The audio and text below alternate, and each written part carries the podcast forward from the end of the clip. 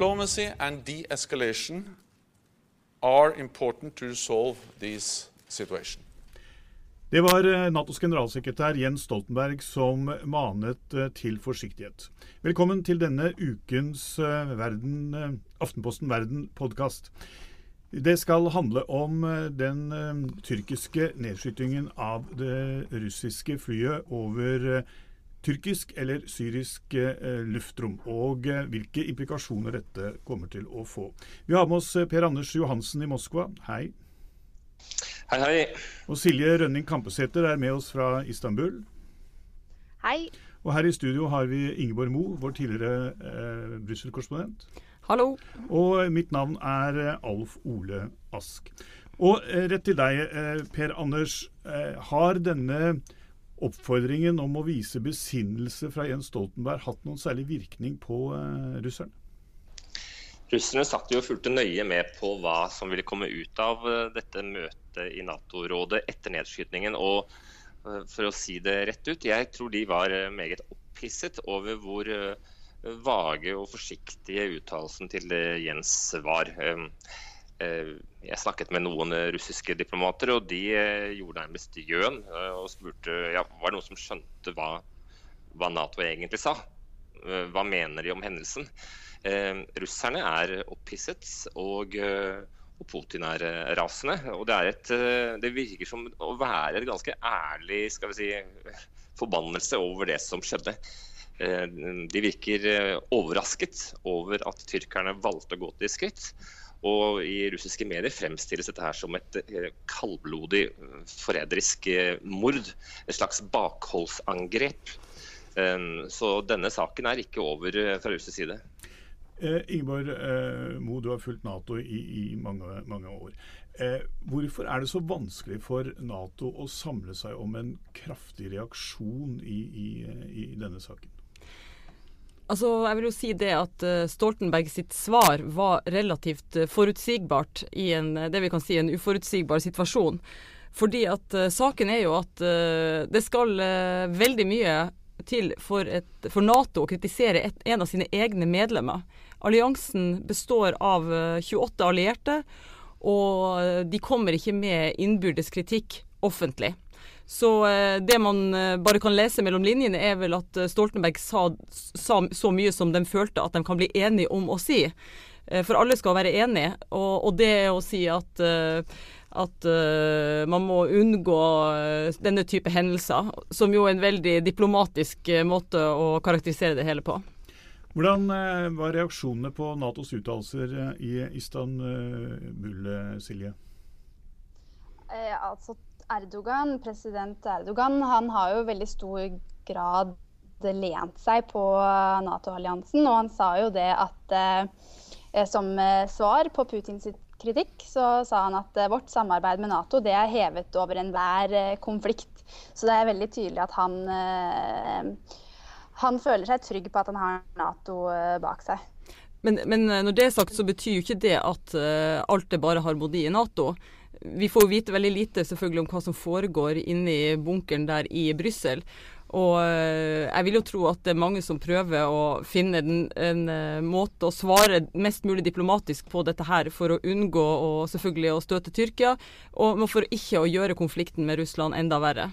Men, er, Men for, russere så er jo dette her en en, en, god sak i den forstand at det er mulig for dem å trykke på og prøve å synliggjøre forskjeller innad i Nato. Og, og Nato er jo en organisasjon med veldig mange enkelte medlemsland med ulik eh, agenda. og eh, For russerne er det positivt hvis de klarer å synliggjøre at det er eh, sprekker og ulike meninger om hva man eh, skal gjøre. Og I mellomtiden så fortsetter jo skal vi si, munnhuggeriet og utskjellingen mellom Putin og Erdogan. For hver dag som er gått, så har jo ordbruken nesten blitt hardere. Og nå er vi vel der at Putin anklager han for å være en løgner som snakker tull, en eh, forræder. Mens Erdogan på sin side har jo nektet å komme med noen som helst unnskyldning, og tvert imot sagt at det er Putin som skal be om unnskyldning. Men eh, Silje, eh, nå har vi jo hatt et par tiår hvor forholdet mellom Russland og Tyrkia har vært bedre enn kanskje på mange hundre år. Eh, men det har nå blitt bånnfrosset, og, og, og, den æraen er definitivt over med, med denne hendelsen.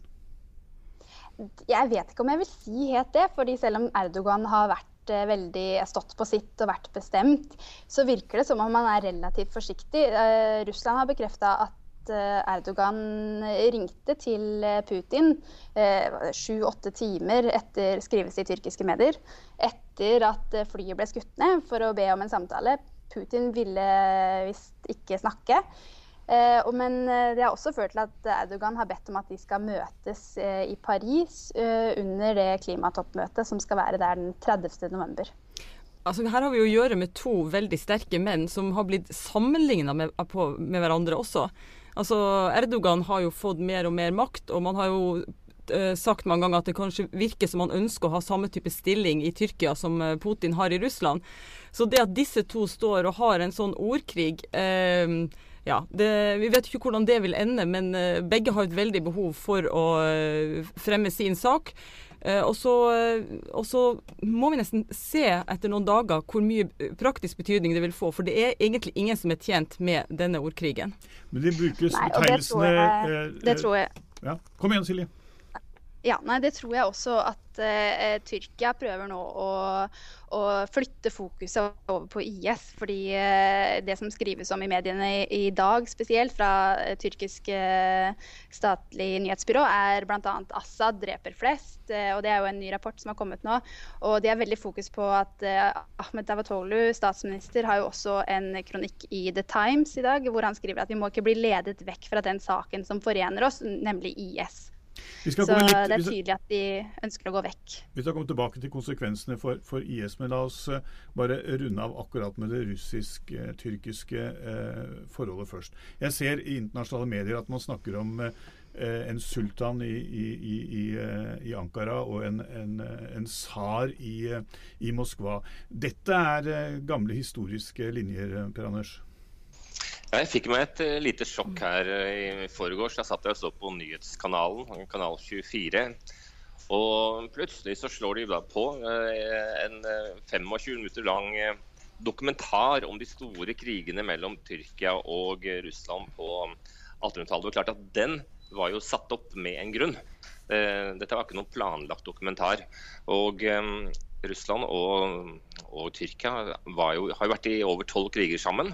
og de siste krigene har på en måte vært med på å definere mye av det som skjedde i Europa. Så det er jo et sus over disse konfliktene. og i, eh, altså ved å dra opp de gamle krigene, eh, hvor russerne ble minnet om hvordan eh, tyrkerne slaktet slavere på Balkan, og, eh, og hvordan eh, Storbritannia gang på gang grep inn og skal si, reddet det ottomanske imperiet fra å bli knust av eh, tsaren disse historiene ligger ved. og Vi skal ikke undervurdere russernes uh, vilje da, og lyst til å se de store banene og oppleve skal vi si, små konflikter i vår tid som en del av et uh, større bilde. Uh, som bekrefter alt det Putin har stått for de siste årene, nemlig at Russland er under press. Folk rotter seg, alle land rotter seg sammen mot dem. Uh, og det er de som er bærer av den gode sak. Og den gode sak i dette øyeblikk, det er å knuse IS fullstendig. Eh, for da å, å, å, snakke litt nettopp om alliansen mot IS. Det, etter terrorhandlingene i Paris så så det jo ut til at man skulle kunne få denne brede alliansen mot terror. Man kunne bruke FN eh, osv. Er det håpet nå ute med denne hendelsen, eller kan man stable denne alliansen på, på beina igjen? Uh, Ingeborg? Altså Det som er litt interessant, er jo at Francois Hollande har jo, han henvendte seg jo ikke til Nato etter denne hendelsen. Da, da USA ble angrepet 11.9.2001, så, eh, så, brukte de jo artikkel 5, der de følte, som, som går ut på Som hele uh, kjernen i Nato, nemlig at de følte seg angrepet. Mens Francois Hollande har gjort, brukt en annen strategi. Han har jo heller dratt til da enkelte personer, uh, de mest uh, sterke i verden, da Obama, Putin sist, Renzi i Italia og Angela Merkel. Og det er jo for å skape en allianse. Og når vi også hører at Frankrike nærmest ønsker å utveksle etterretningsinformasjon med Russland, så ser vi jo hvor desperat de er etter å få en slagkraftig allianse mot IS. Men problemet er, som er i bunnen hele tida, er jo at ja, de er kanskje enige om å, å, slå IS, både Russland og USA, men de er jo ikke enige om målet i Syria og Assads stilling de helt, har de jo helt ulike oppfatninger på. Så eh, jeg tror ikke nødvendigvis at denne hendelsen kommer til å ødelegge det, selv om det ikke har noen positiv effekt. Men det er vel de grunnleggende problemene som ligger i bunnen. Eh, at de har ulike syn på dette. Putin har jo sagt klart at eh, dersom eh, dette skjer en gang til, så er det slutt med pratet om en koalisjon og en allianse mot IS. Eh, og her nå torsdagskveld så satt jo Putin og sammen i flere timer og pratet og snakket om, eh, om dette i Kreml. Hey, I'm Ryan Reynolds. Recently, I asked Mint Mobile's legal team if big wireless companies are allowed to raise prices due to inflation. They said yes. And then when I asked if raising prices technically violates those onerous two-year contracts, they said, "What the f*** are you talking about? You insane Hollywood ass." So to recap, we're cutting the price of Mint Unlimited from $30 a month to just $15 a month. Give it a try at mintmobile.com slash switch. $45 up front for three months plus taxes and fees. Promoting for new customers for limited time. Unlimited more than 40 gigabytes per month. Slows. Full terms at mintmobile.com.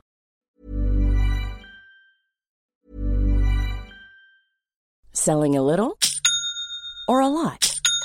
Shopify helps you do your thing however you cha-ching. Shopify is the global commerce platform that helps you sell at every stage of your business. From the launch your online shop stage to the first real life store stage, all the way to the did we just hit a million orders stage.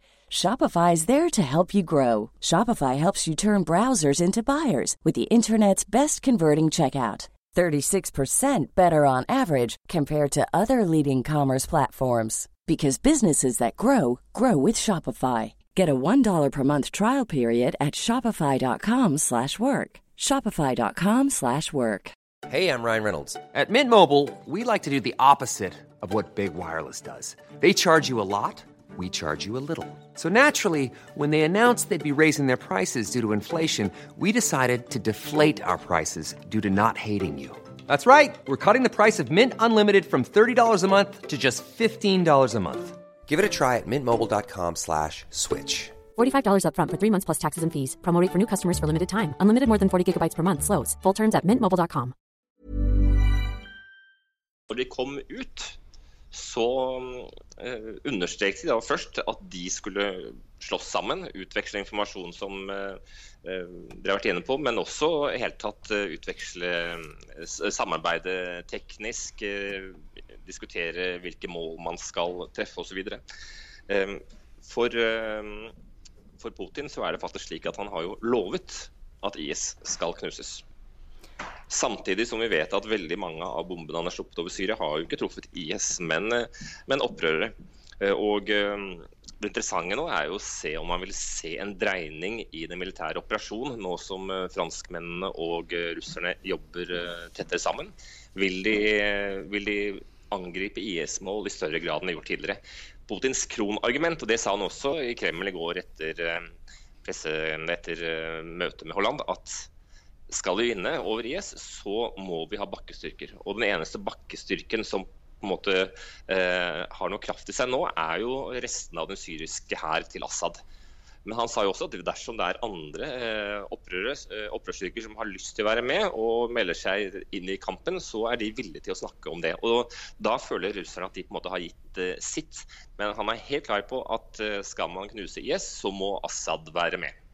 Altså, nå til uka så skal det jo være møte i, blant utenriksministrene i eh, Nato i Brussel. og Da kommer jo dette sikkert til å bli diskutert. Og, og, det er jo annonsert også at den tyrkiske statsministeren skal til møte Jens Stoltenberg eh, på mandag.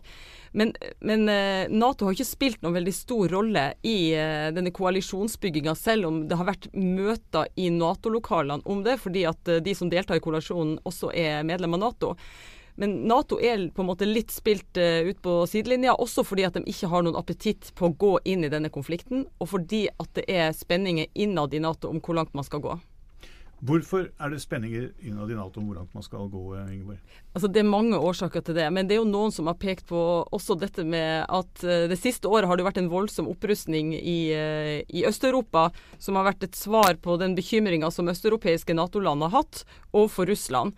Men samtidig så er det jo søreuropeiske Nato-land som ikke er så opptatt av dette, som føler at de nordeuropeiske, dvs. Si spesielt østeuropeiske, da, ikke tar sin del av uh, byrden når det gjelder dette med å uh, ta imot flyktninger, og også bekjempe IS. Altså De har ulike syn på hva som er viktigst. Så, så derfor så er det, dette en veldig vanskelig sak. Og, og, slik det ligger an nå altså Hollande har jo ikke vært og besøkt Stoltenberg hittil etter det som skjedde, så, så han, han, han tar jo dette bilateralt. Kan det Per Anders være lettere å få til en slik allianse dersom den blir mellom land som for så vidt er medlem av Nato, men hvor man ikke blander Nato inn i dette vis-à-vis -vis Russland? Nå har eh, Putin og Holland sagt at de starter eh, sitt samarbeid, og det er åpent for hvem som helst å bli med. Før dette så var jo Russland alene med eh, Iran og Assad. Nå har de da delvis franskmennene med. Og franskmennene har jo rettet veldig innstendige anmodninger om britene om å stille opp. Men Grunnen til at eh, dette er så vanskelig, er jo at situasjonen er som den er på bakken i Syria. Hele historien med nedskytning illustrerer jo på en måte hvorfor det er eh, fortsatt langt i en felles allianse. Russerne drev systematisk over mange uker og bombet opprørsstyrker som uh, tyrkerne ser på som sine. Turkmenerne, som jo praksis er også ja, tyrkere. Og idet bombingen hadde pågått lenge nok, så slo tyrkerne tilbake. Eh, russerne virker jo litt i villrede om hva de skal bomme. For det jeg syns er nesten litt komisk, er jo å høre hvordan av og til så sier Putin rett ut ja, hvem vil dere vi skal bombe? Har dere noen bedre forslag? Kom med det. Eh, det er som man sitter her med arsenalet og, og kulene klare og er klar for å bombe hva som helst, bare man blir enig. Men hele denne situasjonen viser jo også hvor viktig Tyrkia er. Eller det gjør i hvert fall at eh, det er desto viktigere for oss å se på Tyrkia. Altså Jeg husker da jeg begynte å skrive om Tyrkia, så uh, var det så var det jo den nåværende statsministeren som var utenriksminister, og hans eh, program det var ingen problemer med nabolandene. Var, han ville være god venn med alle nabolandene, både Syria og Israel, og prøve med Irak osv. Og, så og det har jo kollapsa fullstendig. Eh, I tillegg så har du dette lappeteppet da, av interesse i, eh, mellom Tyrkia og Syria og Irak, som, eh, som sånne her enkelthendelser også bringer opp. Altså Sånn som det du sier med turkmenere, at det er etniske tyrkere som bor i, i Syria. Og der også Russland på en måte støtter Syria, at kanskje dette området av Syria burde vært uh, syrisk og ikke tyrkisk osv. Altså, alle disse gamle uh, feidene kommer jo også opp og gjør det veldig vanskelig å bli enige. Og Det som er et annet poeng her nå, er jo at uh, med den retorikken som har pågått de siste dagene, hvor Russland og Putin helt klart peker på Tyrkia som en medsammensvoren i terrorisme. Et land som støtter støtter og bidrar til at IS eksisterer, og som i tillegg, da, for å bruke russernes ord, eh, organiserer eller bidrar til flyktningstrømmene som er med på å skape enorme problemer i Europa. Eh, da har Russland tatt fram en retorikk som gjør at det blir enda vanskeligere i neste omgang å, å ligge i samme seng. Men kan denne Ja, kom igjen, Silje. Nei, og det tror jeg den retorikken som Putin har ført overfor Tyrkia, med tanke på de anklagene som kommer eh, i forbindelse med IS. Det tror jeg har eh, Det er noe de jobber aktivt for å motarbeide her nå. Eh, det var i fjor, 2014, at to journalister, eller journalister i den opposisjonsavisen Kumhuriyet, som avslørte eh, tyrkisk etterretning som eh, hadde en lastebil med våpen som skulle over grensa til opprørskontrollerte områder i Syria. Disse ble arrestert i går. Uh, og Putin, nei, Putin, hører du. Uh, Erdogan har tidligere sagt at uh, disse, skal få, disse skal få svi, de skal ikke slippe unna. Og om det var våpen eller ikke, er, har han sagt at det er faktisk ikke relevant, for dette er et svik mot staten. Mm. Men eh, når du nå ser på den eh, situasjonen som har oppstått etter, etter dette, eh, denne nedskytningen, eh, Silje, eh, ser man nå da spurt til at, eh, at, Tyrkia på en måte isoleres? Altså, de sier at deres forhold til Nato er hevet over all tvil, men, men er det helt sikkert at Nato-landene har gode relasjoner til, til Tyrkia? Og, og, det, og i og med at de nå da har dårlig forhold til, til Russland, isoleres Tyrkia?